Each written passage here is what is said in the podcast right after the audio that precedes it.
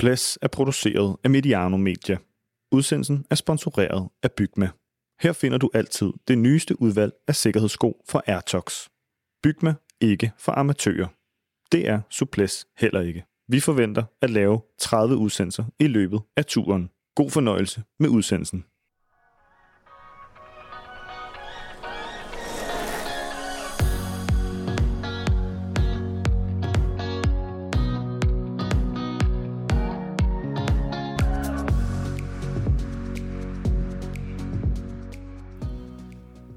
Rytterne tager sig en velfortjent puster i de smukke alber, inden den i morgen står på enkeltstart. I Suples-studiet så er der derimod gang i hjulene som altid. Lytterne skal også have noget til ørerne, også selvom der ikke kan køre cykelløb. Til gengæld så er det faste hold med Lars Mikkelsen, Per Bagsager og mig, Sebastian Stanby, fået lidt hjælp til at tage føringer i dag. Og den hjælp, det er dig, Peter Møller Christensen. Tak fordi du var med i Suples. Jamen tak, og tak for invitationen. Du er sportsfysiolog i Team Danmark. Kan du ikke starte med lige at forklare os, hvad består dit arbejde egentlig i? Det består i at optimere på øh, atleters præstationsevne. Øh, cykelrytter er selvfølgelig en del af pakken, alt den stund øh, Team Danmark arbejder meget med, med Dansk Cykelunion, men øh, også andre atleter. Så jeg har en, øh, kan man sige, en rimelig bred berøringsflade ved mange, øh, med mange øh, hvad hedder sådan noget, atleter og træner. Og det, det egentlig handler om, hvis man skal skære det helt ind til benet, så er det at prøve at forstå, Øh, hvad begrænser atleter, Øh, og det kan både være træningsmæssigt, det kan være omgivelser, øh, og så ligge en strategi for det at prøve at, at gøre de begrænsninger mindre, og den vej igennem gøre folk øh, bedre. Så altså, det er ikke en one size fits all, så der er en analytisk del i det, noget testning, noget måling, og så prøve at, at komme op med noget, noget bedre, eller i hvert fald også kunne give atleter og træner svar på, om det, de arbejder med, virker. Kan du give sådan et eksempel på, hvad, hvad det kunne være, de der begrænsninger, du snakker om, og hvad man så gør ved dem? Øh, noget, som er meget op i tiden, og som også fylder i, øh, i hvad hedder det, Tour de France, det er hvad hedder sådan noget, en, en strategi for varmen. Nu var der et OL i Tokyo øh, for ikke så lang tid siden, hvor der var rigtig varmt, rigtig fugtigt. Så at lave en strategi øh, med afsæt i de arbejdskrav, den enkelte atlet har, øh, for at tage et eksempel, øh, en Jesper Hansen, som er øh, fantastisk god til at skyde, det er nogle lidt andre arbejdskrav. Han har en, øh, øh, hvad hedder det, folk, der for eksempel skal ud og cykle i, i mere end en time. Så, så det her med at komme op med en strategi, hvor, øh, hvor man gør, at varmen i hvert fald bliver så lille en udfordring som overhovedet muligt. Og det kan så involvere, at man har en, man finder ud af, hvor meget folk sveder, så man kan lave en ordentlig hydreringsplan, øh, og man også arbejder med køleteknikker øh, for i sidste ende, at man bliver mindst muligt ramt, men også en snak omkring, at til syvende og sidst, så har naturen det med at vinde. Og øh, det der med, at man også øh, anerkender, at man bliver nødt til at pace sig selv lidt anderledes i varmen. Så det, det er forhåbentlig et håndgribeligt eksempel. Jeg kan også lige byde velkommen til vores to andre gæster, Per og, og Lars. Hej med jer to. Hej. Ja, hej. Lars, øh, du har været nede til Tour de France rigtig, rigtig mange gange. Lad os, lad os lige tage det med varmen. Hvilken hvilken betydning har den? Jamen, øh, som øh, Peter Møller er inde på her, så øh, er det jo faktisk individuelt, hvordan man, man øh, kober, altså hvordan man, man øh, dealer med, med varmen, og, og det, kan, det kan vi måske dykke lidt ned i. Øh, det er jo genetisk, men, men en ting er sikkert, det er, at, at når Tour de France bliver kørt i juli måned, øh, så er der, som man siger på fransk, canicule, som, som, som en gang mellem øh, rammer, altså hvor vi er oppe i de her meget ekstreme varmegrader på, på plus 35-40 grader. Og så er der jo i, i, i virkeligheden øh, nogle gange også den faktum, det faktum, at, at det kan godt være, at termometeret siger en ting, men, men hvis du kører ned i en, en, øh, en lukkedal, så er det jo, så er det jo endnu mere ekstrem en, en varmepåvirkning, kroppen får.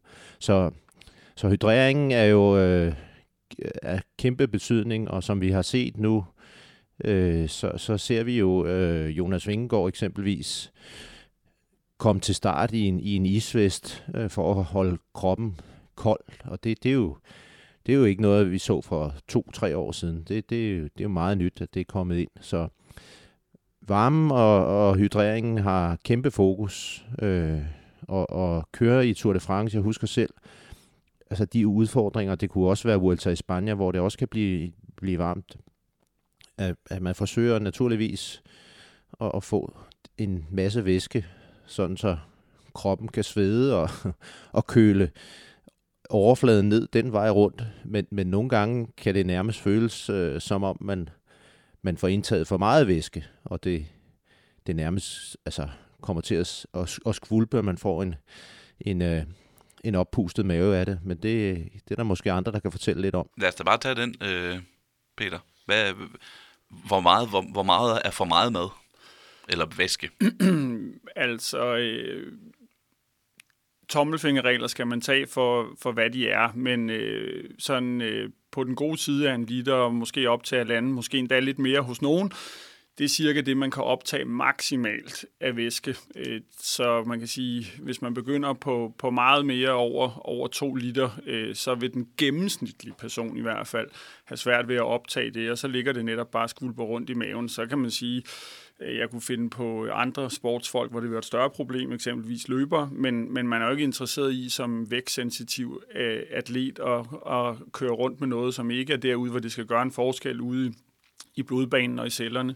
Øh, og så er der stadigvæk også komfort. Øh, så, så det, det egentlig handler om, øh, mit bedste gæt vil være, at mange af rytterne på de varme dage, specielt når det går opad, sagen er den, at man får mindre køling, når det går langsomt. Øh, det, hvis man vil overbevise sig selv om det, så stik hånden ud af, af et bilvindue, når man kører bil. Øh, selvom det er varmt udenfor, så kan man godt mærke faktisk, at hånden bliver kølet, hvis man kører 60-80 øh, km i timen på landevejen, men hvis man øh, går, puha, Øh, så, så sagt på en anden måde, svedraterne er ikke ens. Øh, hvis man kører opad, eller hvis man kører øh, på, på flad vej. Men, øh, men mit gæt vil være, at øh, de ligger på den gode side af en liter, og i perioder ligger de på den gode side af to liter og sveder øh, mere end det gennemsnitligt under de her varme dage. Og der vil det sige, at i perioder vil man akkumulere et væskeunderskud, og det skal man ikke være super bange for, for det har kroppen en buffer for. Men det er klart, at hvis man har et dårligt regnskab, på time 1, på time 2, på time 3, på time 4, så er det, at man i hvert fald ligger øh, kan man sige, byggestenene til, at man måske cutter og går ned til allersidst. Og det er jo derfor, at man ser nu måske, at der er endnu mere attention to detail, selvom der er to herrer med i studiet, som nok også kan fortælle om, at det ikke var, fordi man ikke vidste, at man kunne få problemer, hvis man ikke drak i gamle dage, men der er måske bare flere, der fortæller en om det, og rytterne er måske også bedre uddannet, og det, at man øh, har nogle planer, og man ved præcis, at jeg taber så meget, så lidt, øh, og det er, det, det er en vigtig nøgle. Lad, lad os bare tage den, Per. Øhm, dengang du kørte løb, hvor meget fokus havde I på det? Altså, i drak selvfølgelig, når I var tørstige, men var det noget, I havde fokus på, at I skulle have så så meget? Nej, der var slet ikke nogen videnskabelig tilgang til det. Det var, det var sådan på, på ens egen følelse, øh, hvad man drak. Og øh, nu tror jeg da, at, at øh, den menneskelige krop er så intelligent, så, så den sørger for, at der er sådan nogenlunde styr på det. Øh, men øh, hvis der er adgang til, øh, til det, man har behov for, det er jo ikke altid, der er det i et cykelløb, fordi man kan jo ende et eller andet sted, hvor, hvor der ikke er nogen forplejning. Det kan være, at øh, der er noget, øh, øh hvis det er en bjergetappe øh, imellem øh, to bjerge, hvor der er, hvis der er nogen, der er blevet, en gruppe, der er blevet sat af, eller flere grupper, der er blevet sat af på nedkørselen, og så må øh, bilerne ikke køre frem. Øh, og øh, det var måske i den dag, hvor du havde brug for at komme til at, at drikke, og så får du ikke flasken, så er det klart, så øh, har man et problem. Men ellers, øh, den helt store forskel på, på det, vi kalder gamle dage og i dag, det er jo øh, øh, den videnskabelige tilgang til, øh, øh, til, til ernæring øh, og altså, øh, øh, væske og, og, og, og føde. Øh, og, øh, og det er jo faktisk ret nyt, at det er så elaboreret, som det er nu. Altså, vi har jo talt om moderne cykler, eller kaldt det moderne cykler allerede nogle, nogle år, og det er jo der, hvor videnskaben den sådan har været, spillet en stor rolle. Men lige med nutrition er det jo ligesom inden for det sidste, eller de sidste to år, at der kommer endnu mere fokus på det, og, og vi kan jo bare se på, øh, når vi ser billeder fra rytternes cykler i, øh, i øh, ryttergården inden, øh, inden start, at på frempinden, hvor de plejede at have deres øh, højdeprofil, der sidder i stedet en øh, nutritionplan for hele etappen, hvor, hvor de skal tage hvilken flaske, altså hvad der skal være i den, og en gel og så videre. øh, så de præcis øh, får øh, indtaget det, de skal i forhold til de strabasser, de øh, udsættes for, og så har de så måtte sætte højdeprofilen op på, på styr ved siden af frempinden. Så det er, det er et skridt øh, videre, det hele er taget.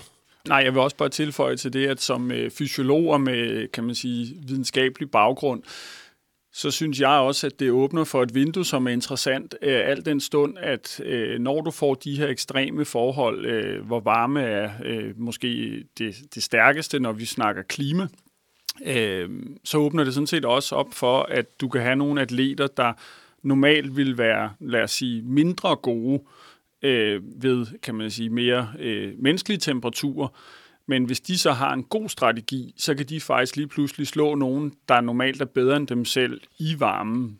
Øh, og det, øh, det synes jeg, øh, det, det gør jo bare, at så er der endnu mere, man skal fokusere på. Det er jo også derfor, man som professionelt hold øh, eller som landshold, at man jo netop skal have styr på de her ting, øh, og, og man kan sige, øh, om man er klimabenægter eller ej, øh, jeg hører ikke til den kategori der er meget, der tyder på, at det bliver varmere og varmere. Det vil sige, at det er kommet for at blive, og, og så fylder det her bare mere og mere. Øh, øh, og derfor er det også vigtigt, at man har en plan for det. Men det er også vigtigt, øh, vil jeg skynde mig at sige, at varme, ja, det er en udfordring, men der er også mange andre udfordringer. Og nogle gange sker der det, at man hopper ned i et kaninhul. Øh, det tror jeg, alle kender til. At man fokuserer for meget på én ting, og så glemmer man det andet. Så kunsten er også her, at det ikke fylder for meget, men at det bare er en del af en samlet plan.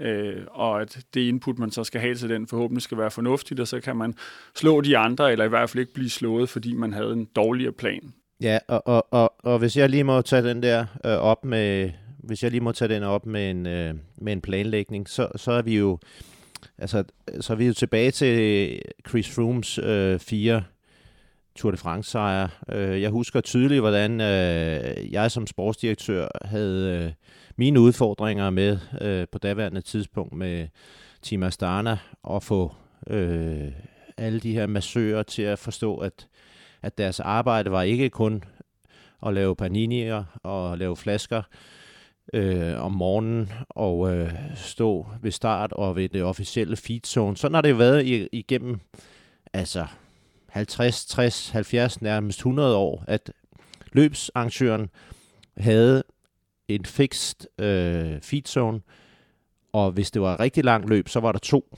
øh, altså forplejningszoner. Og det var det, at sonjørerne i, nu siger jeg, i gamle dage var vant til at, at, at arbejde efter, og så havde de sågar til tider øh, mulighed for at lave et stop til, til øh, til egen vindings skyld for at spise en god frokost på en, en lækker restaurant. Men sådan er det jo ikke, og sådan øh, i dag, og sådan var det ikke, da, da Team Sky gik ind i 2000 og ja, det har været omkring 15-16 stykker, og, og begyndte at lave de her road teams, som alle hold i dag opererer efter. Rent faktisk så er det gået hen og blevet sådan, at i mange cykelløb, der er ikke nogen officielle feed zones øh, længere fordi man er klar over, at holdene har deres nutrition plan og deres road teams, som hopper rundt. Øh, så har man måske fem, tre, fire eller fem enheder, som, som øh, hopper rundt og har tre fikspunkter, og så kan man jo så multiplicere og sige, så, så ender det med, at på en måske 200 øh, km etape, så kan rytterne 10 til 12 til 15 steder øh, få deres flasker og, og, og det øh, gør jo op for det, som Per sagde før med, at, at man ikke bliver fanget i en dal, hvor man egentlig mangler noget at drikke øh, eller en gel. Vi ser det jo tydeligt nu, hvordan, øh, hvordan rytterne får flasken, og så har man øh, en elastik rundt om kraven på, på flasken, og så sidder den her gel med, og nogle gange tager de den, og nogle gange smider de den væk, øh, alt efter hvad de har behov for. Og det var så også sådan, øh, bare sådan rent praktisk, at, at, at den her transformation begyndte at, at tage til, der, der, der, der krævede det også noget af løbsarrangørerne at forstå, at, at det var den vej, at udviklingen gik. Så, så uh, Tour de France eksempelvis, og det var fornuftigt nok, var nogle af de første, der sagde, nu går det altså ikke, at der er frit spil, og alle kan stille sig, hvor de vil. I hvert fald ikke på de kategoriserede øh, stigninger, fordi det siger næsten sig selv, så vil det eventuelt have indflydelse på øh, en spurt, hvis, hvis hvis pludselig en rytter inden fra midt i en mindre gruppe måske skulle trække ud for at få en flaske og genere nogle af de andre. Så det blev til, at man sagde, på de kategoriserede, altså pointgivende bjergspurter, der skal man rykke en kilometer ned, før, altså det tidligste, man må give, det er en kilometer ned, og jeg tror, det er 200 meter efter toppen. Men, men øh, min pointe er egentlig bare, at, at den udvikling, der er sket, har jo været både en, en revolution inden for holdene, sonjørerne øh, har rigtig meget at lave, og øh, oveni så skal man mange gange entrere med øh, ja, supporterende øh, mandskab, som jo ikke er en del officielt af holdet, ikke er på lønningslisten, men som tager det som en, en uh, kæmpe oplevelse. Peter, øh, Per siger han det her med, at øh, der er sket en, en stor udvikling inden for en ernæring inden for bare nogle år. Altså Tour de France er jo blevet kørt siden 1903, øh, og der er blevet kørt cykelløb endnu længere. Hvordan kan det være, at der lige pludselig er sket noget inden for relativt kort tid, efter man trods alt har, har forsket og forsøgt at optimere sine præstationer i, i årtier og århundreder nærmest? Ja, øh, jeg tror i virkeligheden, herrene om bordet også kan, kan komme med nogle perspektiver på det, men der er jo altid nogen, der er lidt af first movers, og man kunne lide det eller ej. Jeg synes personligt måske, den måde Sky kørte på var lidt kedelig. Øh, men, men man kan sige, at den, der vinder, har ret. Og de lagde jo en plan ud for de rytter, de havde, og den var jo relativt øh, succesfuld, må man sige, med tanke på dem, der vandt. Og jeg tror, at de måske også hankede lidt op i den konservatisme, som hersker i rigtig meget elitesport. Og cyklingen er hverken, tror jeg, værre eller bedre end så mange andre, men der er en grad af konservatisme, hvor man værner om nogle ting, og hvor der også kan være et element af, ah, de der sådan en videnskabsmand, han skal sgu ikke komme og fortælle mig, hvad der er rigtigt og forkert. Jeg ved bedst selv. Men hvis man, og jeg vil også skynde mig at sige, at videnskabsfolk kan også være, lad os kalde det, måske lidt indforstået og kun tror på, at det de tror er rigtigt. Men hvis man kan finde ud af at mødes hen over bordet, øh, så, så, så, øh, så tror jeg, at der er nogle potentialer der øh, for begge sider, og, og der tror jeg bare igen, man må sige, at den måde øh, Sky angreb det på, var med til at skubbe til en udvikling. Og jeg hører også stadigvæk sådan lidt på vandrørene, at nogle af, af de kan man sige, ikke så rige hold laver også lidt copycat-finden, og de kigger sig lidt over skulderen og ser, hvad, hvad gør de andre hold. Men Sky var med til at skubbe til den der lidt videnskabelige approach, øh, og så er de andre fuldt trop, og hvor man så siger, okay, det, det, er, den, øh, det er den klinge, vi kører på nu, og, øh, og så begynder man måske mere at have den her videnskabelige tilgang til det. Øh, og det fordrer så også, at der bliver forsket mere i tingene. Så kan jeg godt nogle gange sidde og pille mig selv i navnet og sige, ja, men ved du hvad, det at man kan måske forbrænde 90-100 gram sukker, det er ikke ny viden. Noget af det er måske, men, men, men det er sådan, så bliver noget af det sådan lidt revitaliseret. Så det er også nogle gange, så ligger der noget, faktisk noget viden gemt, øh, men dem, der evner at applicere det ved, at man øh, taler sammen øh, og, og får sat et, et team op. Og der, øh, der, der, der tror jeg, det er en del af forklaringen. Det er ikke sådan så, at der er kommet kæmpe store landevindinger. Der kommer altid noget lidt ind for højre. Et, et eksempel er de her ketondrikke, som godt nok ikke har fyldt særlig meget i år, men det er fyldt meget sidste år og forrige år, ikke? Og uge her Jumbo Visma og Quickstep, ikke? Og kig på Quickstep, de er jo ret øh, ikke så kompetitiv lige nu, men lurer mig, om de ikke stadigvæk drikker ketondrikke. Det gjorde de i hvert fald for to år siden. Øh, så, og det er jo igen sådan et eksempel på, så fokuserer man meget på. Det er ketondrikkene, der forklarer det. Nej, men det er måske en et led i at kunne øh, restituere, er der noget, der tyder på, men det ændrer stadig ikke ved, at man skal alt det andet. Så den der samlede pakke, men, øh, men der bliver investeret meget i det at prøve at finde de her nye, øh, nye ting, som måske kan gøre tingene lidt bedre. Samtidig med, tror jeg heller ikke, man skal underkende, det at rytterne føler, at der er styr på det, og at man er lidt fremme i skoene, giver, tror jeg, også en, en psykologisk fordel, som selvfølgelig, hvis du ikke har noget at bakke det op med i cykelskoene, kan det være ligegyldigt, men det der med, at man føler, at man har, øh, man kører på spidt til udstyr, og der er en, en plan for, hvad man laver, det kan også være med til, at, at man vokser som rytter. Lad os lige tage den med de her øh, ketoner, fordi det var, du har nemlig ret, det er ikke noget, der har fyldt noget i år, men altså for et par år siden var det noget, der lige pludselig kom frem, og man, mange hørte ordet, mig selv blandt andet hørte ordet for første frem, og der var også snak, skal det her på dopinglisten og sådan nogle ting, det var en, en reel debat. Hvad er det, og hvilken, hvad, hvad skal det ligesom kunne gøre? Øh, altså, øh, rent evolutionært, så er ketoner noget, man begynder at producere selv i kroppen, når at, øh, hvad hedder sådan noget, ens energidepoter begynder at være tømt, specielt sukkerniveauerne. Så tænk det lidt som noget ude på en øde ø. så er det ligesom last call, øh, hvor man så kan begynde at danne de her ketonstoffer, som er et, øh, hvad hedder sådan noget, en energiressource. Øh, og oprindeligt, som jeg kender historien, så var det faktisk noget, at man forskede i og brugte rigtig mange penge, tror jeg, det amerikanske øh, militær, øh, med henblik på, at når du har dyre øh, ressourcer gående ude i Irak og Afghanistan og alt muligt andet, så kunne de jo også havne i en situation ligesom en cykelrytter, hvor der ikke lige står en øh, klar med øh, øh, en pose med mad i, og så skal man jo helt stadigvæk kunne fortsætte. Og hvis du så kunne udvikle de her drikke, som kunne gøre, at man kunne holde lidt længere og blive ved og blive ved og blive ved, og øh, så var det så nærliggende at tænke på, jamen hvad så, når cykelrytter måske begynder at være tømte for energidepoter. Det, der så bare er det lidt sjove her, det er, at alle de studier, der er lavet videnskabeligt med sådan placebo-kontrolleret, så man ikke ved, om man får ketoner eller andet. Rigtig mange af dem, og det kan man jo så sige, har de så haft en dårlig formular. Mange får ondt i maven. Øh, så det er faktisk videnskabeligt ikke særlig godt underbygget, at man præsterer bedre på, på kort tid. Så kan man så også sige, jeg tror for at ketonerne skal virke, så skal man ud på 3., 4., 5. time. Men det det nok i virkeligheden mere gør, som mange studier, eller ikke mange, men nogle få studier har, det er faktisk, det lader til, at det hjælper lidt på restitutionen. Øh, så jeg tror også, man er gået fra at tænke ketoner kun som et energisubstrat på ikke lige fod, men som man, siger, man normalt snakker vi om, det er sukker og fedt, og så er ketoner sådan en, en tredje øh, mulighed.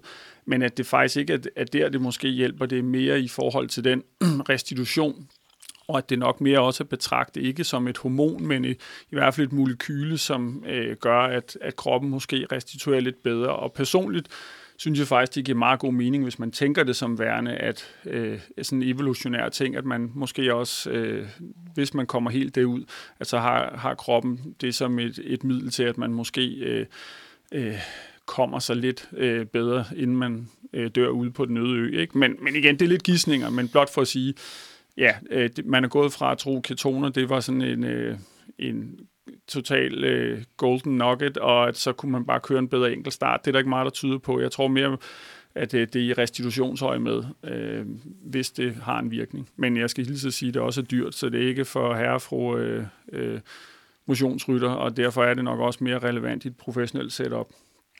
Ja, der har været, jeg har læst nogle, nogle ting om sådan nogle øh, dunke til, til 100 dollars og sådan noget, så det er altså noget, der, der koster nogle penge. Øh, per, en, en helt sådan lavpraktisk ting. Hvordan er det at sidde og spise og drikke ude i sådan en cykelløb, hvor man har travlt med alle mulige andre ting, øh, plus at kroppen måske er presset, og man egentlig ikke har lyst til at pr- øh, proppe alle mulige ting ned i den?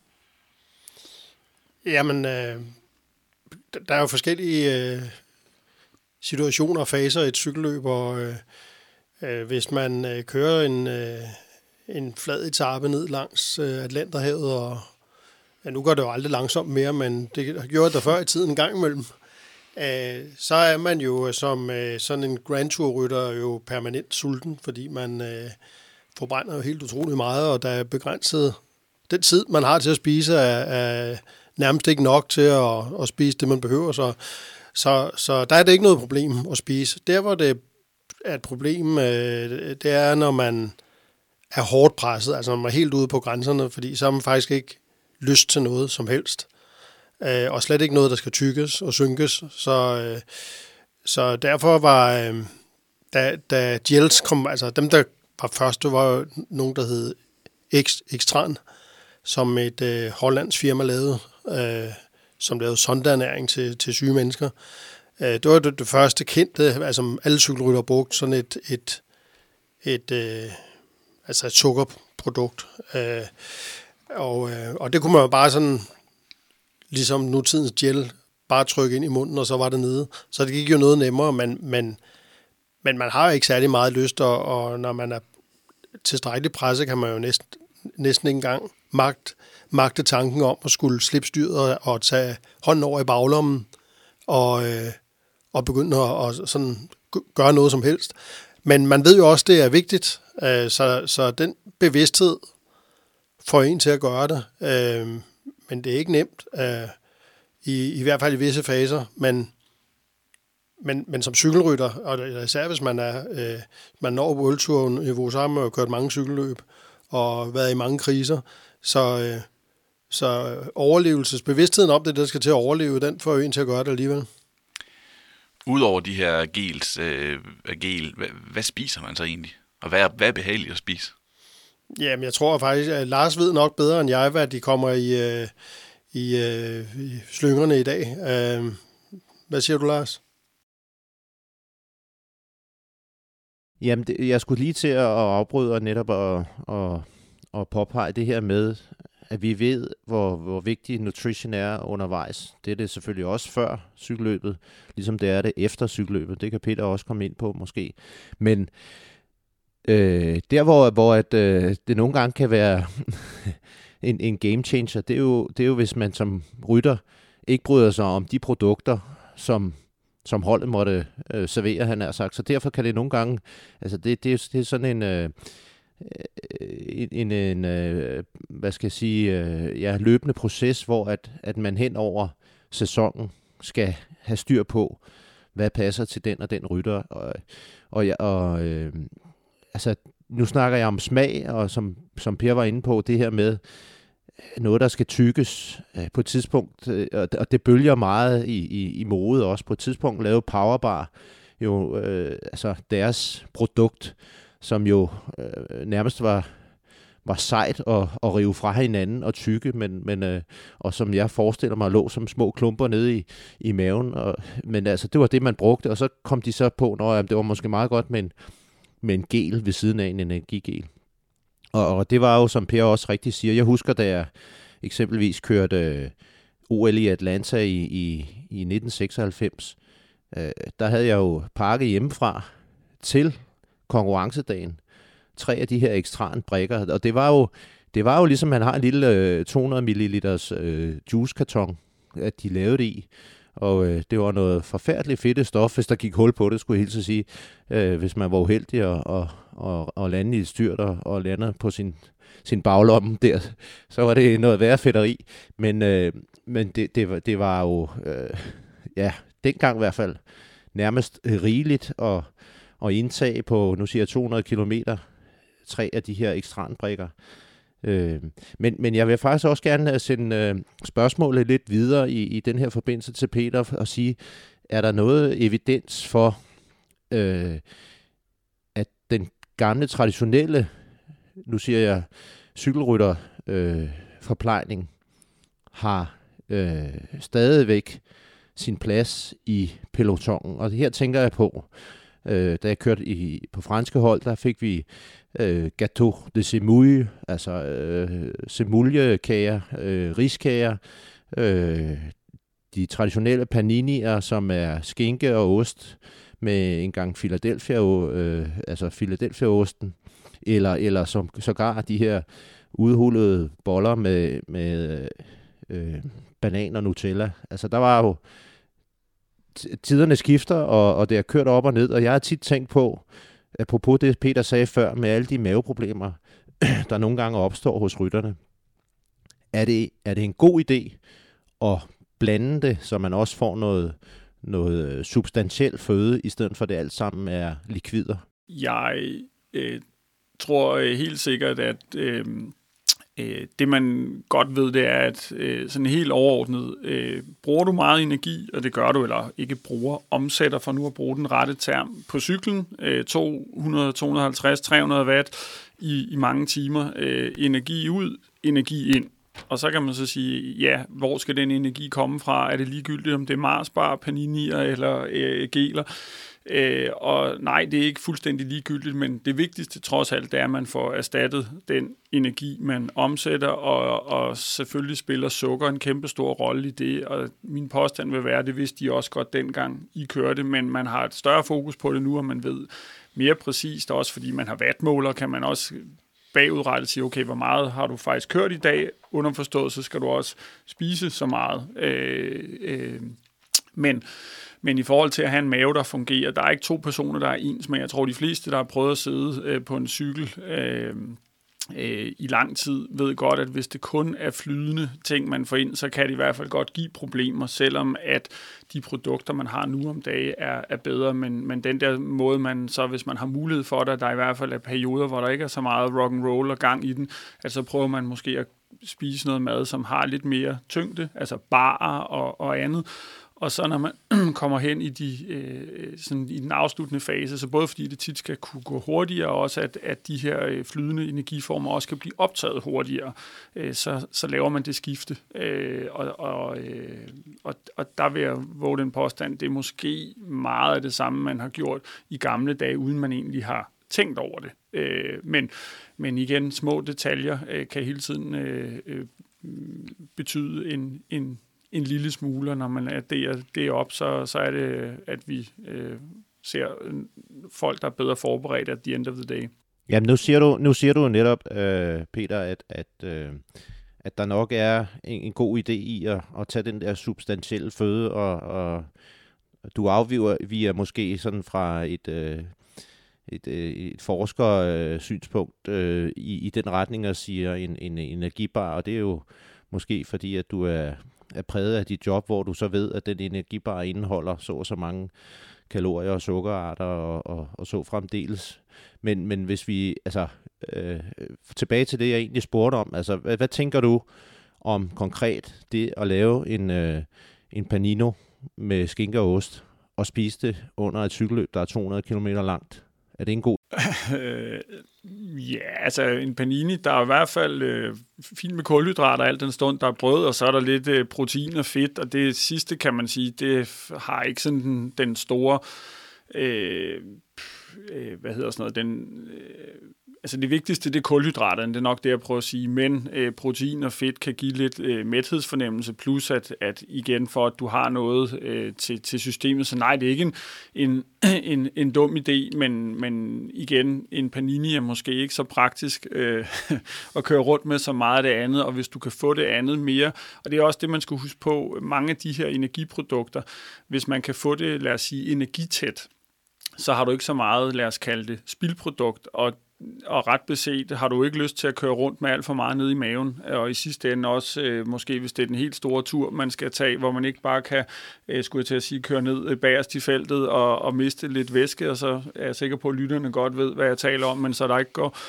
hvad var det, Peter Sagan, det her ikoniske ting, hvor han øh, lige lånte en autocamper, som jeg synes var ret morsom, hvor han stiller sin cykel op og autocamperen, lige hopper ind og har, ja, har brug for at køre den store tur. Ikke? Og det er man jo ikke interesseret i, og så op på cyklen igen. Det ved jeg ikke, om I kan huske den historie. Jeg synes, det var sjovt. Jeg tror også, alle har set Tom Dumoulin øh, stå på siden i den lyserøde øh, trøje. Øh, og hvor meget af det, der var dårlig mave, hvor meget det bare var, at han havde noget i maven, der skulle ud. Men, men det vil man jo for alt i verden gerne undgå, øh, og derfor handler det også om, at man, øh, kan man sige, modererer mængden, altså øh, antal gram, man får ned. Og der er der bare måske nogle fødevarer, der er lidt bedre end en panini, trods alt. Øh, så det håber jeg var et mere konkret svar, med, end, end det jeg så kom med før. Per, kan du huske, hvad, er det Matti Brechel, der er også til en uh, Paris-Roubaix, eller hvilken, hvilken dansk rytter er det, der til Paris-Roubaix er nødt til at låne en autocamper, uh, og så jo ikke kan finde ud af at trække ud i toilettet bagefter. Det er ikke, det, vi behøver ikke gå så meget detaljer i det, men jeg, jeg mener ja, det... Det, er, det, det er, den historie har jeg faktisk ikke hørt. Jeg mener, det er, jamen, jeg kan ikke huske, om det er Matti, der har fortalt det i, i politik, men det er en af de danske cykelrytter i hvert fald, og det går, at vi ikke skal gå så meget mere detaljer med det. Øhm, men det med, med, det med, hvad kroppen kan optage, hvad den ikke kan, det, det synes jeg er interessant, fordi det er i hvert fald Mathieu Brichel, som har fortalt øh, i, en, i en bog om Tour de France, at han øh, til en Tour de France, den som Carlos Sastre vandt, så Carlos Sastre i en, altså tre uger i træk, kun spise kogt ris, øh, øh, kogt kylling og ris, og der var ikke engang olie på, der var ikke salt på kylling eller noget som helst. Og teorien var, tror jeg, at jo mere udpint kroppen er, desto mere farligt er det begyndt at, at fylde med alle mulige ting, som den ikke er vant til. Så hellere spise det samme 21 dage i træk. Øhm, Peter, kan du prøve sådan at sige noget om det der med, hvad spiser man så uden for etaperne? Hvad spiser man på hotel? Hvad spiser man til morgenmad? Og, og giver det mening det her med bare at holde den til én fast ting? Kogt kylling uden noget som helst? Øhm, Altså ret beset, så er kylling jo et, et fint øh, produkt øh, og en kilde til, til proteiner, som er det, man, øh, kan man sige, populært sagt bruger som, som byggesten. Og der er hele tiden en, en omsætning af de her øh, proteiner, man har i kroppen, og, og, og der sker også lidt muskelskade, selvom cykling ikke er lige så slem, som eksempelvis løb vil være på den konto. Men man skal hele tiden have noget til at reparere med, og der skal man have proteiner, og der er kylling sådan set øh, fint, og det er også erfaringsmæssigt... Øh, øh, nemt at fordøje, ellers var det nok øh, noget andet, man, man spiste. Øh, så, så det, øh, men man kan sige, jamen, hvad så på siden? Man skal jo gøre det, der fungerer. Det er også derfor, man skal passe på med at være alt for dogmatisk med de her øh, one size fits all, men, men mere, at man har en plan ud for nogle sunde principper om, at man får en tilpas mængde kulhydrater, en tilpas mængde protein, en tilpas mængde fedt, men der, hvor jeg så måske tænker sådan en diæt, øh, eller øh, diæt, det lyder som om, man skal tabe sig, men den øh, Øh, øh, strategi, du, du udlagde der. Hvis man kun spiser sådan noget, øh, lad mig sige, lidt tør mad, så misser man måske ud på det, man kalder for, for mikronæringsstofferne, altså de her øh, ting, man kan, øh, vitaminer og mineraler. Øh, så det der med, at man også får en varieret kost, og man også får nogle, øh, for eksempel, øh, der er meget forskning, der faktisk tyder på, at at øh, alt det, man kan se i, i, i mørke bær, altså jordbær, kirsebær, blåbær osv., der, der er en stofgruppe der, der hedder polyfenoler, som øh, kan være måske med til at holde noget af den øh, irritation og, og, og det, man med et fint ord kalder oxidativt stress lidt nede. Øh, og det hjælper man ikke på vej, hvis man kun spiser ris og, og kylling. Så det, at man øh, så måske får en, en smoothie om morgenen med det, eller også når man kommer ind igen. Så, så der må også godt være lidt af de der frugtens øh, farver, uden at det skal tage overhånd. Fordi stadigvæk, hvis jeg skulle vælge, det igen nogle gange, så bliver det sådan lidt skingert. Uha, hvis jeg ikke får min frugtsmoothie, så kan jeg slet ikke køre. Det er jo ikke det, det handler om. Det handler om, at man får hele paletten, og at man ikke gør det alt for, for sort-hvidt. Så, så jeg vil våge den påstand, at man får både makro- og mikronæringsstoffer, men at man så også får det, som man ved virker for en. Fordi jeg tror også, de fleste kan ikke til det der med, at man kommer et fremmed sted hen, og så får maven noget, den ikke er vant til. Og det er man jo ikke interesseret i, at man starter ud og sidder på rullerne og kan mærke, at maven den bimler og bamler. Så, så selvfølgelig har man nogle go-to-ting, og man hører jo også tit rytterne sige, at de er trætte af at spise same, same, same, same, same. Men jeg synes nu også, apropos det her arms race, øh, jeg fik det forleden en kogebog øh, af min søde svigermor, øh, så jeg håber, hun hører med, øh, som var en af de her turkokke, øh, hvor de jo netop også prøvede at, at udvide sådan, så at rytterne havde lidt mere at vælge imellem. Øh, så det ikke kun var det her, øh, og det er jo også en måde, hvor holdene investerer, øh, for at, at øh, man, øh, kan man sige, eksponerer dem for en bredere vifte af mad, men hvor der stadigvæk er en, er en fornuft bag med, hvad det er, man eksponerer dem for. Men det skal, altså, en ting er, hvad der sådan videnskabeligt er øh, optimalt at spise, men til syvende og sidst skal man jo også kunne holde det ud. Og det spiller jo også en rolle, hvordan man har det. Altså hvis man skal proppes med noget øh, hver evig eneste dag i tre uger, som man ikke kan fordrage, så det spiller jo også en rolle øh, for, for, for psyken. Og, og som Peter siger, så er det jo øh, også noget, der bliver lagt øh, øh, efterhånden øh, mere vægt på. Og øh, øh, jeg ved, Jumbo Visma gør meget ud af det, og og nu ved jeg ikke om din øh, kobo der, det var den der Hannah Grants øh, turkobo, som hun lige har udgivet. Hun er jo faktisk nede hos Jumbo Visma i de her dage og, og være med til at lave mad til dem, øh, hvor, hvor hendes, altså hun prøver jo at kigge på, hvad indeholder ting af retterne øh, sådan kompositorisk, og så prøve at variere det, så man kan få øh, de rigtige og de samme næringsstoffer på nogle forskellige måder, med nogle forskellige smage og, og så videre. Så, øh, øh, og, og øh, med hensyn til det, Peter var inde på før med, at det er øh, Team Sky, der flyttede cykelsporten, der er jeg fuldstændig enig. Øh, og og øh, øh, deres øh, resultater gjorde jo så, at, at folk var nødt til at, at ligesom kigge den vej, selv hvor konservativ man var, fordi at, at de, de skabte jo resultaterne. Jeg synes så, at Jumbo Visma, de har taget alle de ting øh, til next level, Øh, og øh, det er jo helt ned til at planlægge måltidet til hver enkelt rytter i, øh, i en, øh, ikke bare i Tour de France, men i alle etabløb. Og, og Jumbos øh, varebiler, de kører ud med, med friske varer til, til holdets kokke. Så, øh, så der bliver, altså, i hvert fald på de største hold, bliver gjort en kæmpe indsats på det område. Lars, hvordan kan det så være, at vi stadigvæk synes jeg er min oplevelse, hører om cykelryttere, som efter en dårlig etape siger, at de glemte at spise og drikke. ja, men det er jo, det er jo fordi, de bliver fanget i, i, i spillet. Øh, både øh, cykelløbet i sig selv, vedløbet, deres arbejdsopgaver, og, og, og så, som vi er inde på her, altså øh, værbetingelserne.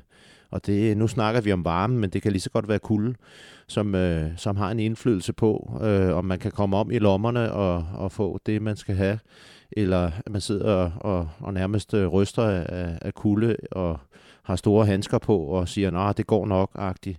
Så, så øh, der er forskellige årsager til det, men jeg vil gerne lige øh, samle op på, på Hannah Grants bog. Altså Hannah var jo øh, en af de første øh, kokke i, i pelotongen, som, som Bjarne Ries han, han hyrede ind, og, øh, og Bjarne var jo også øh, en af, af de altså first movers omkring det her med at have food truck med. I dag er der ikke et hold i Tour de France, som ikke har en food truck med, øh, som har en kok, øh, der laver maden til rytterne, og som ja, og det er, jo, det er jo en gammel historik. Altså, dem, der kan huske tilbage som rytter på netop ikke at have sin egen kok med, og komme ind på et hotel Campanile og blandes med andre øh, ferierende gæster, og så ligesom få, hvad der nu var til overs i buffeten. Altså, de ved jo godt, at, at, at det var hårde betingelser. Øh, det blev der bare ikke snakket om dengang så meget andet end internt. Så, så øh, det der nutrition om, om, omkring altså det er jo, det er jo igen marginal gains, og, og øh, det, det er jo, i dag er det så lige pludselig ikke marginal gains, fordi alle har det. Men, men øh, tilbage til dit spørgsmål omkring, altså hvorfor er det, de ikke spiser? Jamen det er simpelthen fordi, de bliver, de, de, de bliver ja, revet med af det, og som Per sagde rigtig nok før, der er enkelte rytter, som så ud over at have skiltningen inde i teambussen om morgenen, øh, hvor der ligesom står, Øh, hvis der er diætisten er, er med til Tour de France, så har han lavet planen i forhold til distancen og, og vejrbetingelserne. Og så har han, altså, prøver han at indprænde til dem, som, som Peter rigtig nok sagde eksempelvis, I skal drikke en flaske hver 20. minut, eller I skal drikke to flasker i, i timen, altså, så man er sikker på, at hydreringen er i orden. Og så kommer så alle de her kompositioner og samarbejdspartnere, Øh, Øh, med elektrolytter og salte osv. osv. Og det, det er jo også sin vigtighed, men det kan Peter måske fortælle lidt om. Jo, helt klart. Det er i hvert fald ikke kun, øh, altså vand er selvfølgelig vigtigt, men øh, salt er også en, øh, en vigtig øh, faktor i forhold til, til hydrering, når man skal være i gang i, i længere tid. Og også det her med, at man med relativt simple øh, knep øh, kan øh, hvad kan man sige, få en føling med det, og, og, og hvad i en, i en konkurrencesituation. Det er selvfølgelig øh, stressende, og man skal nå mange ting, og jeg har, jeg synes ikke, man ser det i hvert fald på, på fjernsyn, men, men det her med, at man kan jo godt forsøge sig med at prøve at have et regnskab med, okay, hvor meget drak jeg undervejs, og hvor meget varede jeg til at starte med, hvor meget vejede jeg, da, da etappen var, var slut. Men det kan godt være lidt bøvlet, der er det nogle gange nemmere at lave alt det her i træningen. Man kan jo stadigvæk godt simulere øh, perioder i hvert fald, hvor man, hvor man hugger til den og kan se, og så, så den vej igennem, så får man sine svedrater øh, nogenlunde præcist målt, og man kan også måle, hvor meget salt man mister i sin sved, og det er ikke fordi, man kan erstatte det hele. Folk vil blive overrasket over, hvor store, øh, altså vi kan sagtens have atleter, der taber øh, 20-25 øh, gram. Øh, det er ret meget øh, salt på, på sådan en, øh, en etape, hvis man går ind og læser, øh, kan man sige, de generelle anbefalinger, øh, så vil sundhedsmyndighederne anbefale, tror jeg, ikke mere end 6 gram salt i døgnet til almindelige mennesker. Men jeg plejer også at sige, at elitefolk, sportsfolk er ikke almindelige mennesker. Så der har man også lidt det der med, at man skal have en plan, der er, er tilpasset til den enkelte. Og, og nogen kender det her med, at man kan se, at man er helt hvid, når man kommer øh, i mål, eller hvis man er nede og cykle i alberne. Øh, og der er den her ting med, at nogen sveder øh, eller mister mere salt igennem sveden end andre. Det skal man også tage højde for. Ikke nødvendigvis undervejs, men så i hvert fald også bagefter. Så man ikke laver Karl og Sastre finden og ikke fyrer salt på maden. Hvis man nu er en af dem, som er helt hvid og ligner en, en snemand, når man kommer i mål, så er det i hvert fald vigtigt, at man får noget salt ind den anden vej. Og det, det er igen det her. Kroppen er så ret god til at, at holde salt det, man nu måtte have tilbage, så man ikke udskiller det, og omvendt er den også god til, hvis man får lidt for meget ind, det skal man ikke stresse over, så udskiller man det, i hvert fald som, som sportsmand. Øh, almindelige mennesker er en anden, anden snak øh, i forhold til blodtryk og sådan noget, men, men blot for at sige, at, at øh, man har en individuel plan. Det er egentlig det, det, det handler om. Jeg vil gerne addere til, til Peters øh, tale omkring det her med efteretappen. Og, og det ved jeg ikke, om I, I har lagt mærke til nogle gange, øh, men den her after finish bottle, som nogle gange kommer den faktisk med i, i fjernsynet, når man ser sonjørerne øh, tage imod rytterne efter mål, og andre gange så står den klar inde i teambusserne, og så ser man den ikke. Men, men øh, det er jo igen det her med øh, optimeringen omkring restitutionen.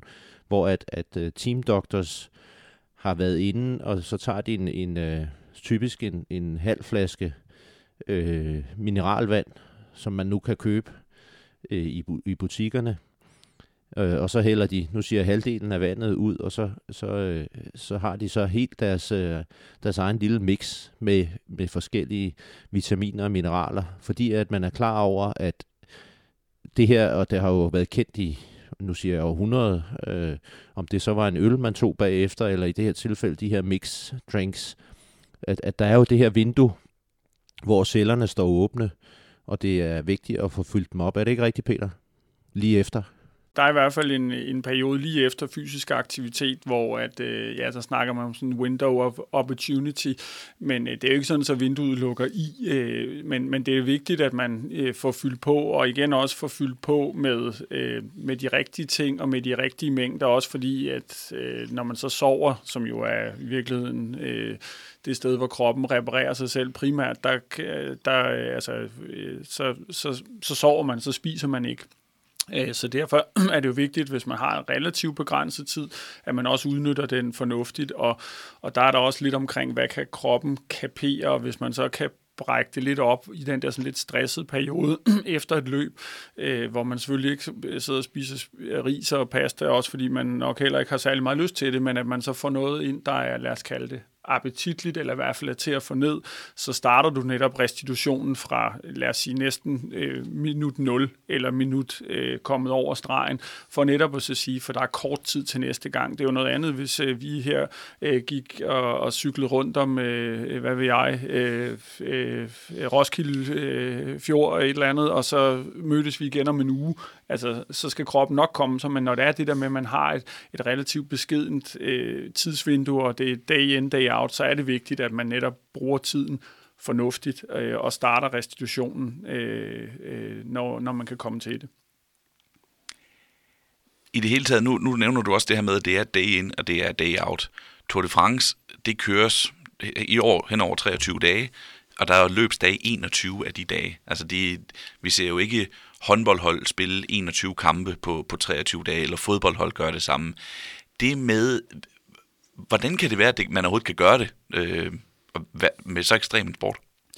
Øh, en af nøglerne til at forstå i hvert fald den kvalitet, rytterne kan yde, øh, når man ser på de analyser, der er lavet, og også hvis man hører lidt på, på vandrørene, så kan rytterne øh, nærmest yde det samme i uge 3 som i uge 1. Så kan man altid sige, ja, men er det ikke også fordi, de i uge 1 godt ved, at de skal køre i tre uger? Øh, men der vil være etapper, hvor man går mere til stålet end andre.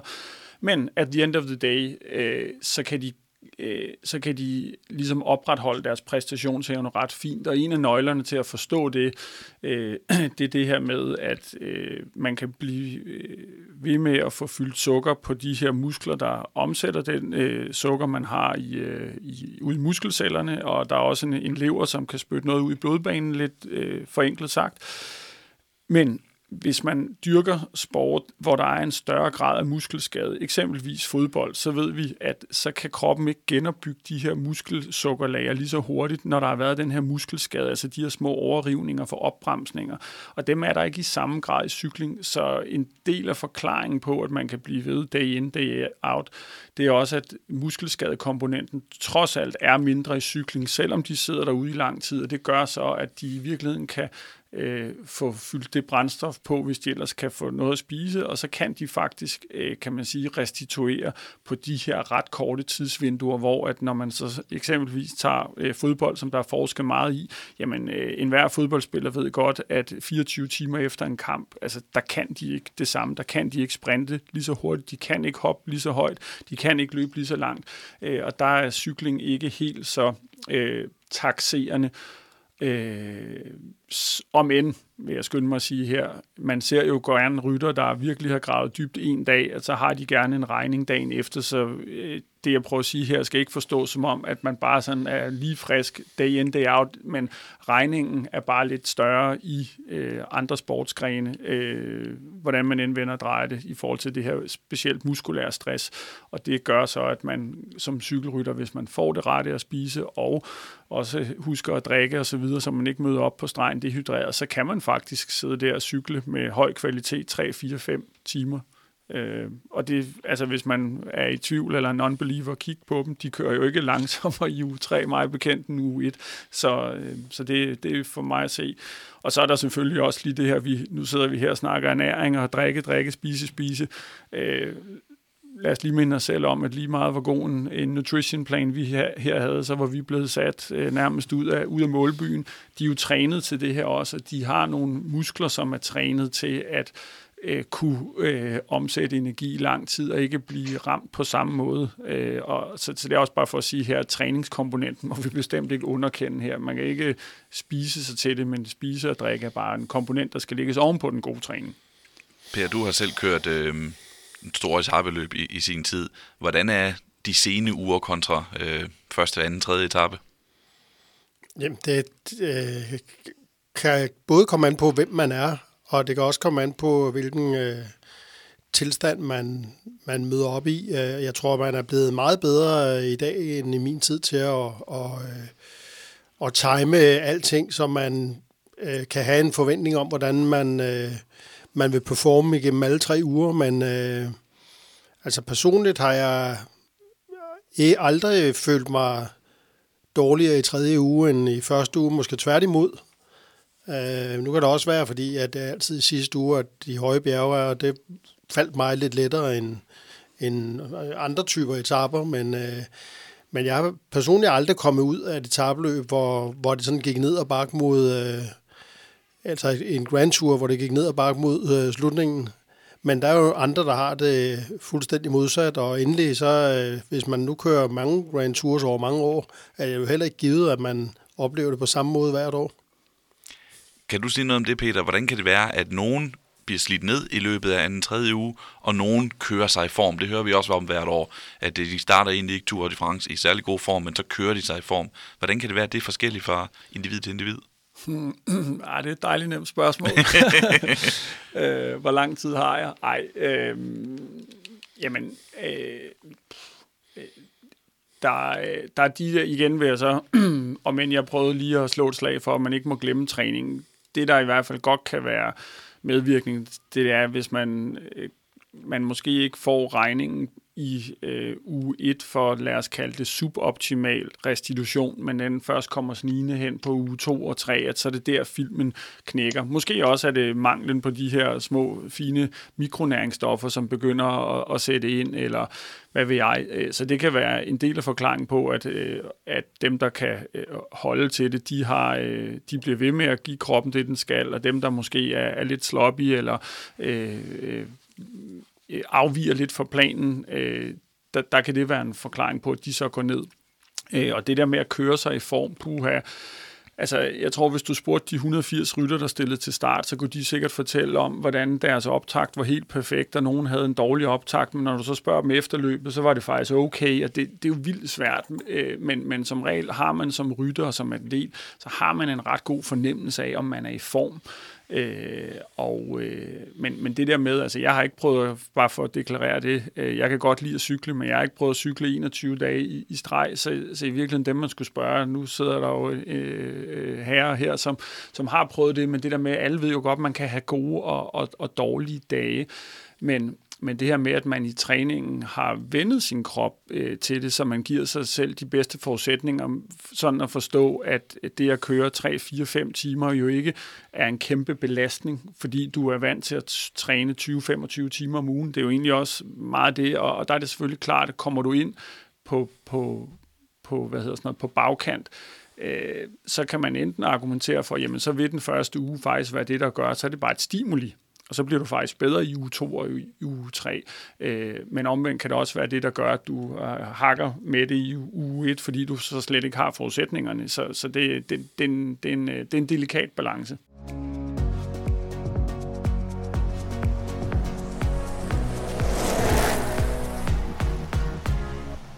Byggebranchen er ikke for amatører.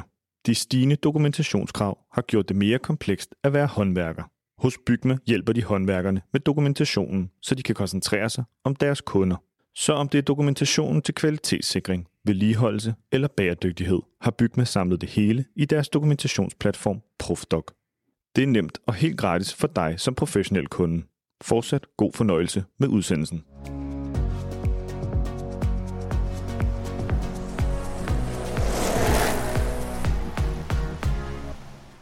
Jeg tror, vi skal til at gå videre til dagens detalje, sponsoreret af Bygma, ikke for amatører.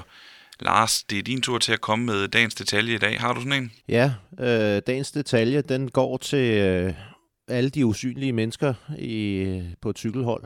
Øh, vi, vi lægger mærke til cykelrytterne, øh, vi ser sportsdirektørerne, vi ser øh, altså på fjernsyn, vi ser øh, en, en enkelt øh, pressechef i, i ny og næ, og vi ser øh, en, en enkelt sonjør tage imod øh, øh rytterne, når de går over mål. Men, men øh, det vi ikke ser, det er jo hele øh, pakken af både det, vi kalder sonjører, som jo er et vidt begreb, og som er et ord, der kommer fra fransk, at sonjere sig. De sonjerer rytterne, de sørger for at hente dem i lufthavnen, bære deres kufferter, øh, de øh, stiller kufferterne op på værelserne, stiller øh, vand frem på værelserne, laver øh, rooming lists, sørger for, at øh, der er et lille snackområde til, til rytterne, når de er på hotellerne. Tager imod vasketøjet. Vasker det. Laver massageplaner. Masserer rytterne. Om aftenen, efter de har spist, og det er jo typisk på Grand Tour, så spiser man kl. 22 om aftenen.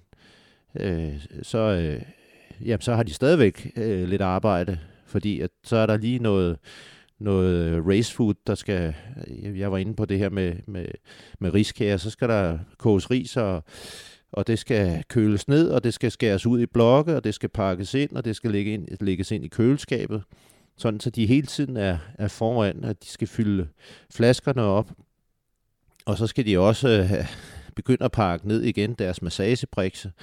De skal øh, være klar næste morgen, ud rundt på værelserne, når, når tid er, hente kufferterne, pakke lastbilen, og så kører den ellers bare igen, hvor at, øh, der er et team, der tager ud, og nu snakker jeg kun om sonjørerne. Vi kan tage de andre staffmedlemmer på et andet tidspunkt, men så, så er der nogen, der kører ud til det næste hotel, gør det samme igen, stiller op, og der er andre, der, som vi har været inde på i det her program, har nogle opgaver i løbet af dagen med at, at stikke flasker ud og være der for rytterne. Så det er et øh, omfangsrigt job og, og lever virkelig op til sonjør og det at være professionel. Jeg er glad for, at vi fik nævnt øh, de meget vigtige personer i et cykelløb, og så, øh, ja, så synes jeg, de har fortjent den der franske frokost, som du, som du også taler om, Lars, hvis det overhovedet kan lade sig gøre i løbet af sådan en, en travl dag. Må, må jeg tilføje? jeg synes nu også en detalje, om end jeg synes, de her, det her back, backroom staff, jeg er selvfølgelig også, øh, hvad kan man kalde det, bias af det nogle gange lidt selv af mit job. Øh, så selvfølgelig spiller det en, en super rolle, men øh, øh nej, jeg synes, Tom Pitcock i går, øh, hvor man så ham, han, øh, han hang lidt med det, og så højre rundt i rundkørslen, om det så var dem i bilen, der gav ham øh, den information, eller om det var ham selv, men det synes jeg, der også var en detalje. Og sekundært til det, synes jeg faktisk også, det var sjovt at se som tv-seer, men selvfølgelig min sympati med, med den gode Jonas Vingegaard, men øh, Pogacar der, det er lidt sådan et spil for galleriet, og sad og kiggede lidt ned på vatmåleren og gav ham lidt afstand for måske at indikere, uh, jeg er træt, og jeg kan ikke sidde med. Og den, øh, det der sådan Hollywood-skuespil øh, hoppede han jo så ikke på, fordi øh, et par minutter senere så huggede han til. Men det var et forsøg på en detalje, men måske var detaljen, at Jonas Vingegaard ikke hoppede i. Øh, det er jo bare fedt at se alle de her små øh, ja, gimmicks, øh, som jo ikke er en gimmick, for det er jo vigtige, øh, vigtige ting, men fedt se, at se som seer. Det her med at spille skuespil, Per, øh, det er jo også noget, vi, vi hører om øh, gang på gang på gang, at man sidder og lader, som om man har det dårligere, end man har det. Kan det overhovedet snyde nogen? Et meget ledende spørgsmål. Ja, det, det, det kan det da godt en gang imellem, og det er jo ikke altid, man lader... Nogle gange lader man også, som om man har det bedre, end man har det. Det er jo ja. bare Rolf Sørensen jo en mester i. Han, øh, øh, han troede faktisk også selv på, at han havde det bedre, end han havde det tit, ikke? Men, men øh, det, kan jo, det kan jo være begge veje, og jamen, nogle gange virker det altså... Øh, jeg ved ikke, om du kan huske for to år siden, at Carapaz, hvor han sad netop med Vingård og Pogacar i øh, Pyreneerne, og, øh, og spillede kold. Og så lige pludselig kom han med det frygteligste angreb, øh, da han kunne se op til målsejlet. Øh, og, og Pogacar fik ham så kørt ind og, og, og, og vandt etappen, men, men, men han slap jo afsted med at spille kold hele, hele bjerget op, og øh, jamen Pogacar, han siger jo selv, øh, har jeg set øh, til et eller andet udenlands medie, at, at han fornemmede han ikke, han troede ikke på, at han kunne sætte Vingegaard, og, og alt tyder jo også på, at han, øh, at han ikke havde øh, de samme ben, som de gange han gjorde det, fordi at han så endelig angreb, for det første, var det jo meget sent, hvis han ville gøre en stor forskel, og for det andet, vejede hans øh, ryg kun øh, 18-19 sekunder, hvor de andre gange har det været 45-60 sekunder, og det er jo også det lange ryg, han, der hans øh, dødbringende våben, som man også bruger, når han sætter øh, Van der Poel og Van Aert på Kvaremont i Flandern rundt.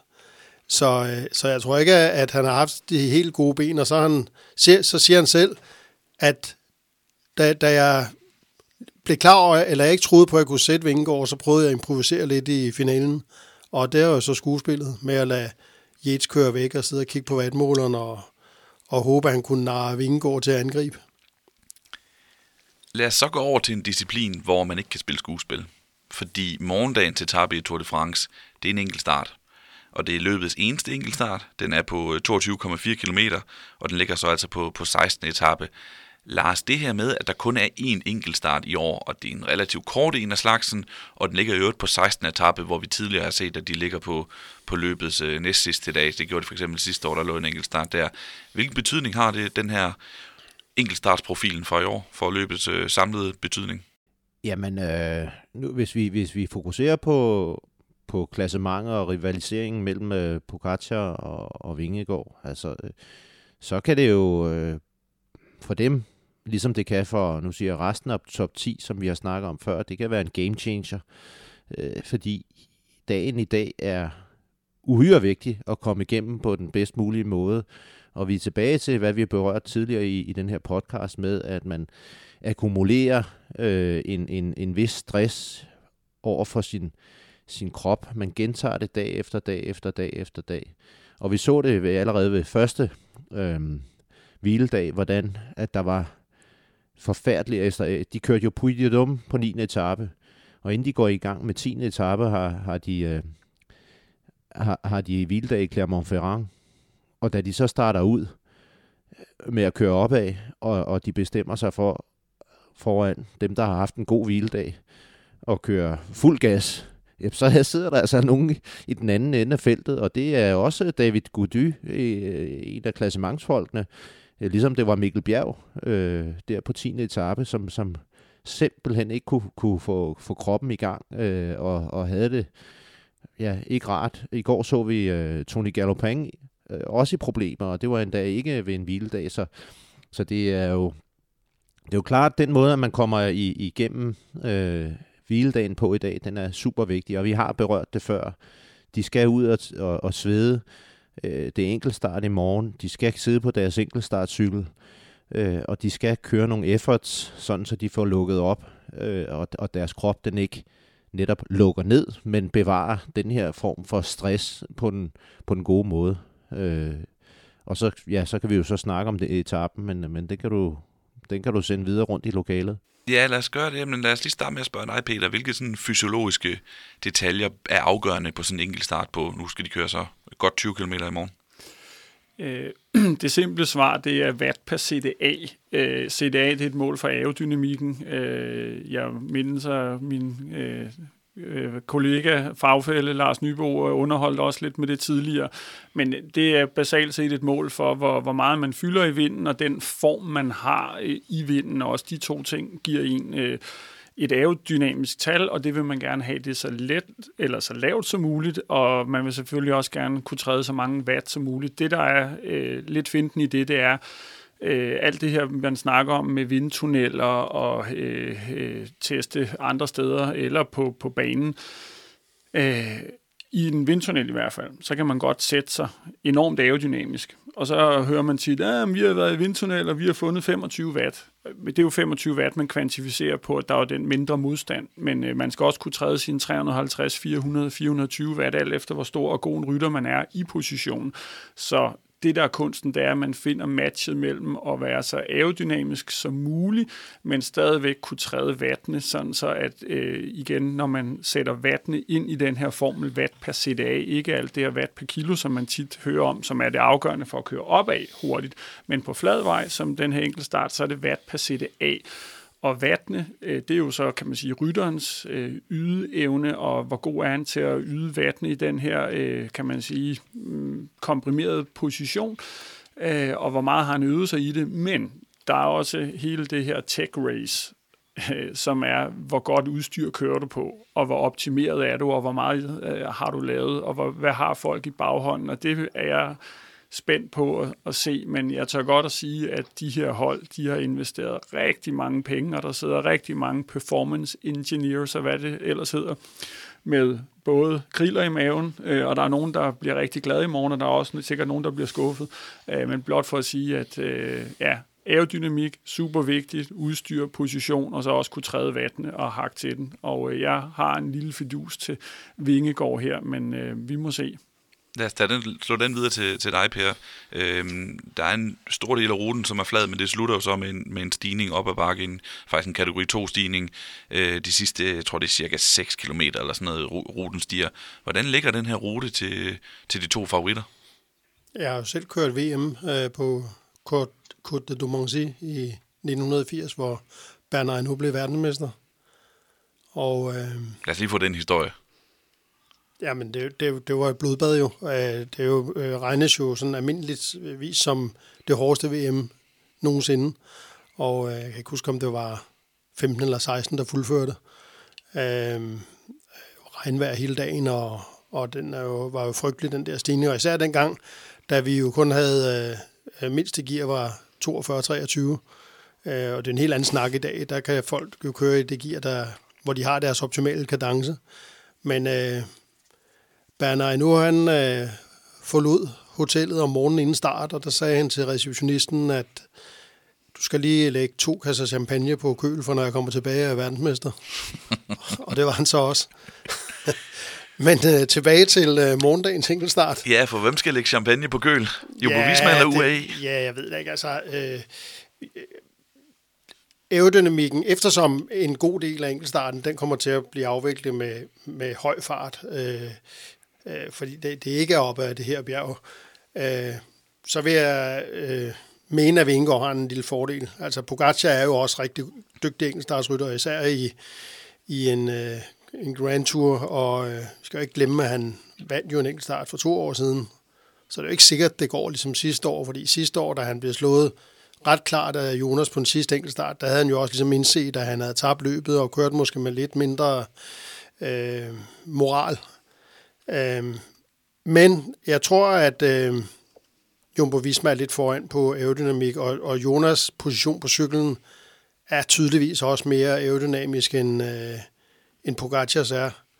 Men jo, øh, UAE har forbedret sig en hel del siden, øh, siden sidste år. Der har været et issue med Øh, at der har været nogle af rytterne, der har været utilfredse med, at de var for dårlige på aerodynamik med deres øh, Colnago-cykler, deres hjul og deres øh, speedsuits osv.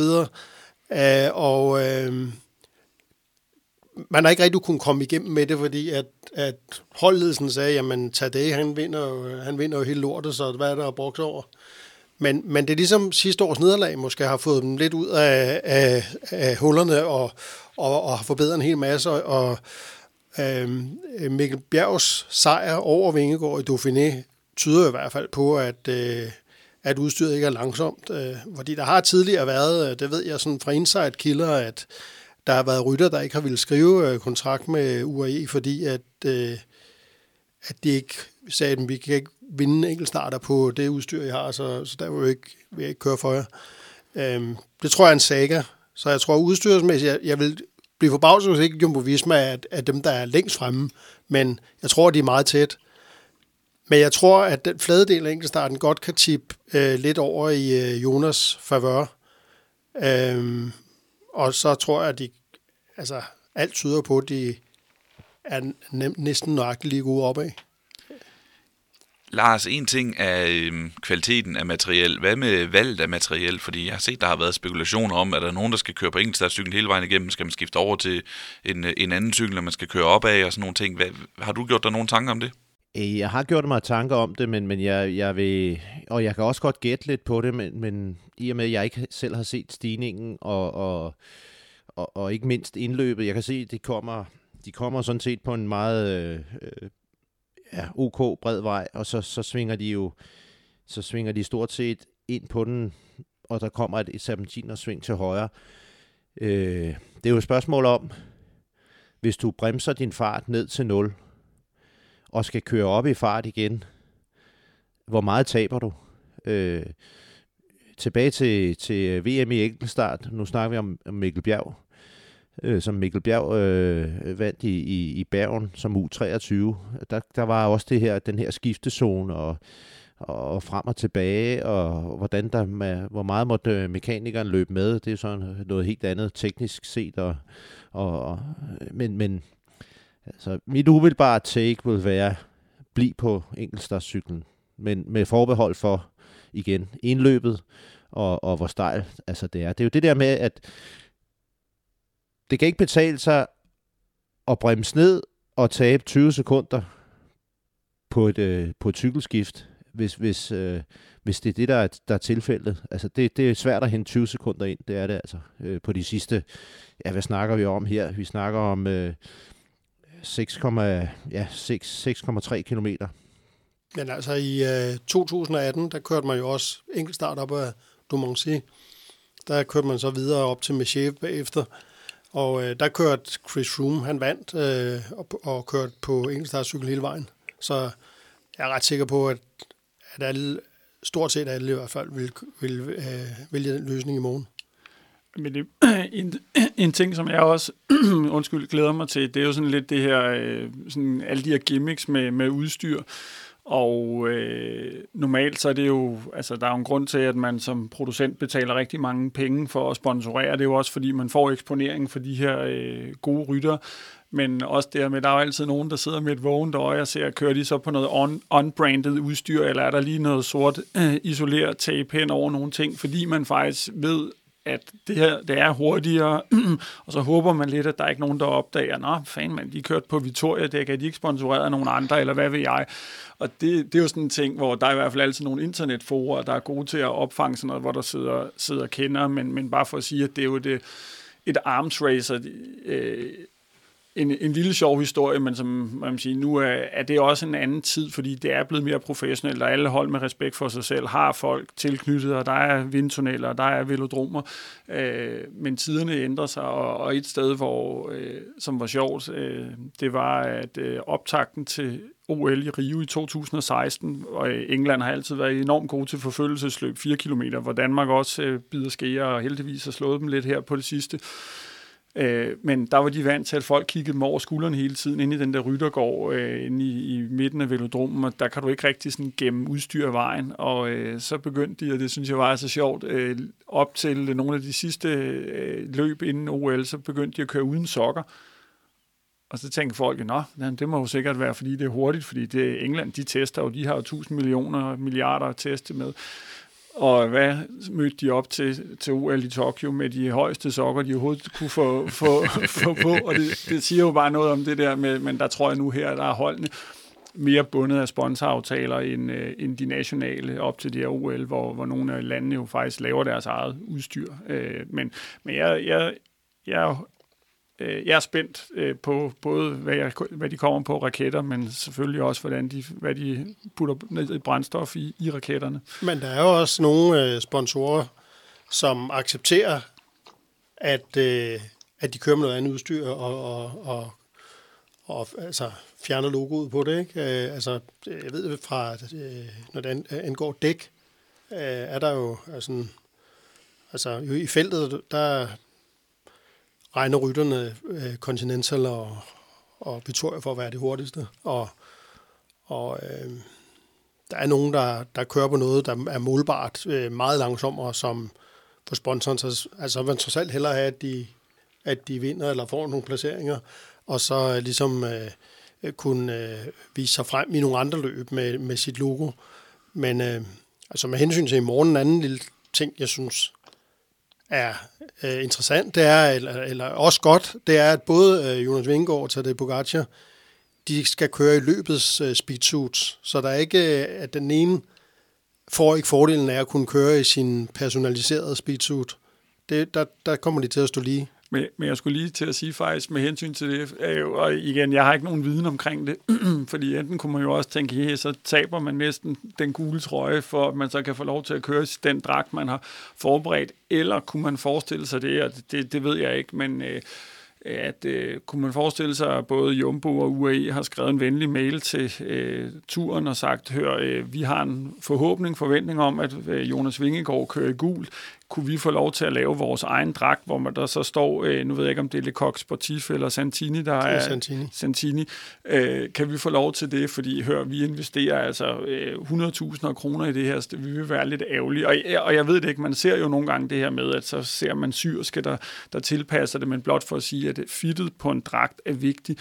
Øh, men det er jo også alle de der ting, som for almindelige mennesker er svære at forstå det her med, så sætter man en stoftype et sted og en syning et andet. Og Øh, og det må være så frustrerende, hvis du som ingeniør har brugt et halvt år på at lave en dragt, der lige præcis passer til den rytter med den hjælp, med den position, og så får han en helt anden dragt på, og så står du der og tænker, uh, og noget af det, det der jo er det fede ved en enkeltstart, det er, der kan du i princippet overlade, eller der er ikke så mange tilfældigheder, der kan du styre alt selv. Der er ikke noget med øh, modstandere, der gør noget. Men hvis der så lige pludselig bare kommer hen, du skal køre i en anden dragt, der tænker at der er nogen, der sidder for, øh, for, for røde hår, øh, steder, hvor der ikke plejer at være røde hår, eller hvad man kalder det for. Jeg tror ikke, Santini vil gå med til øh, den løsning, men, men jeg ved fra, fra Castelli, som jeg jo selv repræsenterer, at, at når øh, øh, hold, altså øh, Jan Thomas og Chris Froome, de skulle køre enkeltstart i føretrøjen, så hende, øh, der ligesom er chefsgraderen, der, der opmåler alle rytterne, og øh, øh, kender konstruktionen på deres dragter, at hun øh, blevet fløjet til, hvor enkeltstart nu skulle køres, og så stod hun altså og satte note i og havde symaskinen med, og, øh, og, øh, og tilpassede den, så den kunne komme så tæt på, øh, på, på deres personlige dragt som muligt. Som sagt, 22,4 km, øh, en anelse kuperet, eller faktisk godt kuperet hen mod, hen mod slutningen. Lige nu er der 10 sekunders forskel mellem nummer 1 og 2 i den samlede stilling. Lars, har du noget sådan bud på, hvor meget kan man egentlig rykke på sådan en etape som i morgen? Hvor mange sekunder kommer, kommer de til at sætte hinanden, enten den ene eller den anden vej? Ja, mit gæt er, at at, det ikke bliver meget, øh, vi ser i forskel, men, men, men øh, som jeg sagde før, vi har sådan set måske øh, udslagsdagen allerede i dag. Altså, hvordan kommer de igennem hviledagen? Fordi de, øh, øh, når vi snakker om Pogacar og, og, og Vingegaard, så, øh, så er de jo vant til presset. Øh, så det er ikke noget nyt, fordi det kan jo nogle gange altså, øh, være et, et faktum, det der med, kan man klare presset, og så, så kommer historien om en dårlig dag. Øh, men jeg, jeg, vil, jeg vil pege på, at i dag, den måde, de kommer igennem i dag, er, vigt, er rigtig vigtig, og, og øh, vil gøre udslaget, om vi ser et, øh, en, en, en tidsmarken, der siger 10 sekunder, eller et minut. Jo, og hvis jeg må tilføje også faktisk i det her, øh, øh, nu ser man de her køleveste øh, flittigt anvendt både før løb og, og efter løb, og øh, der er noget, der hedder komfort, i hvert fald når man snakker inden et løb, at man ikke føler, man står nede i dalen og allerede er kogt over, inden øh, angrebene flyver til højre og venstre. Øh, så det kan sagtens have sin berettigelse. Men øh, alt andet lige, den, de målinger, jeg selv har lavet på det her, den effekt, sådan en kølevest må have, den forsvinder altså hurtigt op i, øh, ja, i luften, øh, når først et øh, løb eller en konkurrence går i gang. Fordi, og specielt når det er lang tid, altså så når du kommer hen på en halv time, så er kom sige, kom så. Men lige præcis sådan en enkelt start i morgen. Nu ved jeg ikke, hvad vejrudsigterne siger, men øh, der er det faktisk lidt en kunst, hvis man betragter sin krop som et badekar, og vandstanden, det er så temperaturstanden. Så det her med, at man ikke har fyldt badekarret for højt op, øh, sådan så man starter ud med en for høj temperatur, og der er det netop kølevesten kan gøre, at man, fordi man vil stadigvæk gerne hul ned igennem til benene, men det er lidt sådan, at man laver faktisk producerer varme med, med musklerne, og så prøver man at køle et andet sted, og det, det, det kan virke sådan lidt kontraintuitivt. Men dem, der finder den balance, er også det med, at man har en opvarmningsstrategi, som også er plastisk, sådan så at man varmer op på en måde, hvis øh, det er en, øh, en enkelt start i øh, varmeforhold, hvor man justerer lidt ind i forhold til, hvis det ikke er så varmt. Så det der med, at man har en plan for, hvad man gør. Om end jeg vil sige, jo kortere en, en disciplin er, jo, øh, jo mindre er sandsynligheden for, at varmen spiller et pus, men stadigvæk øh, den, den distance, de er ude på, der vil man stadigvæk se, at de fleste præsterer dårligere i 35 grader end i, i 15 på det, og der handler det så om, at man øh, øh, nailer den rigtig godt, så isvesten har en større betydning i morgen, end den har generelt, vil jeg sige, når vi snakker øh, at være klar fra, når, når, øh, når, hvad hedder sådan noget, når starten går. Og så tror jeg, at øh, dagens sidste spørgsmål er, er der andre rytter, vi skal holde øje med, end Jonas Vingegaard tager det på Pogacar i morgen? Er der i forhold til etappesejren? Det kan jeg ikke tro. Har du, hvad siger du, Lars? Nej, altså jo, der er jo, der er jo nogen i, i top 10, men det er jo ikke sådan, at vi, vi kan pege på en øh, Stefan Kyng, som jo er en enkeltstartsspecialist. Øh, Philip Bugana er ikke øh, til start, men, men øh, en Stefan Kyng, øh, selvom han er svejser og bor i et bjergrigt terræn, så tror jeg, at det er for hårdt for ham, når han skal køre de sidste 6,3 km. Så jeg er også øh, tilbøjelig til at sige, at, at det bliver Vingegaard på Katja, og så med en, en, en lille overraskelse nede øh, fra top 10, altså Adam Yates, øh, Sepp Kuss, men øh, lad os nu se. Dermed bliver det nok endnu en dag i Tour de France med fokus på Jonas Vingegaard og Tadej Pogacar. Dem har vi haft nogle stykker af, og der kommer flere i den sidste uge. Ja, dermed så tror jeg også, vi siger tak for i dag. I morgen er vi tilbage med den store analyse af enkeltstarten, efter den er kørt. Tak til dig, Peter Møller Christensen. Tak fordi du kom forbi. Tak. Selv tak. Tak til vores øh, faste hold, Lars Mikkelsen og Per Bagsager. Selv tak. Ja, selv tak. Og tak til Bygma, vores partner. Tak til dig, der lytter med. I morgen får du fornøjelsen af Adam Møller Gomar som vært. På genhør.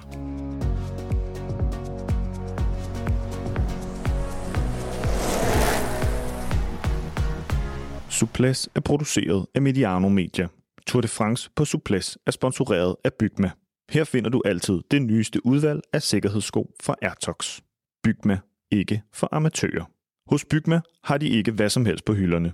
Bygma er for dig, der vil have professionel rådgivning, gode byggematerialer og kvalitetsprodukter. Du kan lige nu vinde en racercykel ved at tilmelde dig Bygmas nyhedsbrev. Find linket i podcastbeskrivelsen. Tak fordi du lyttede til Suples.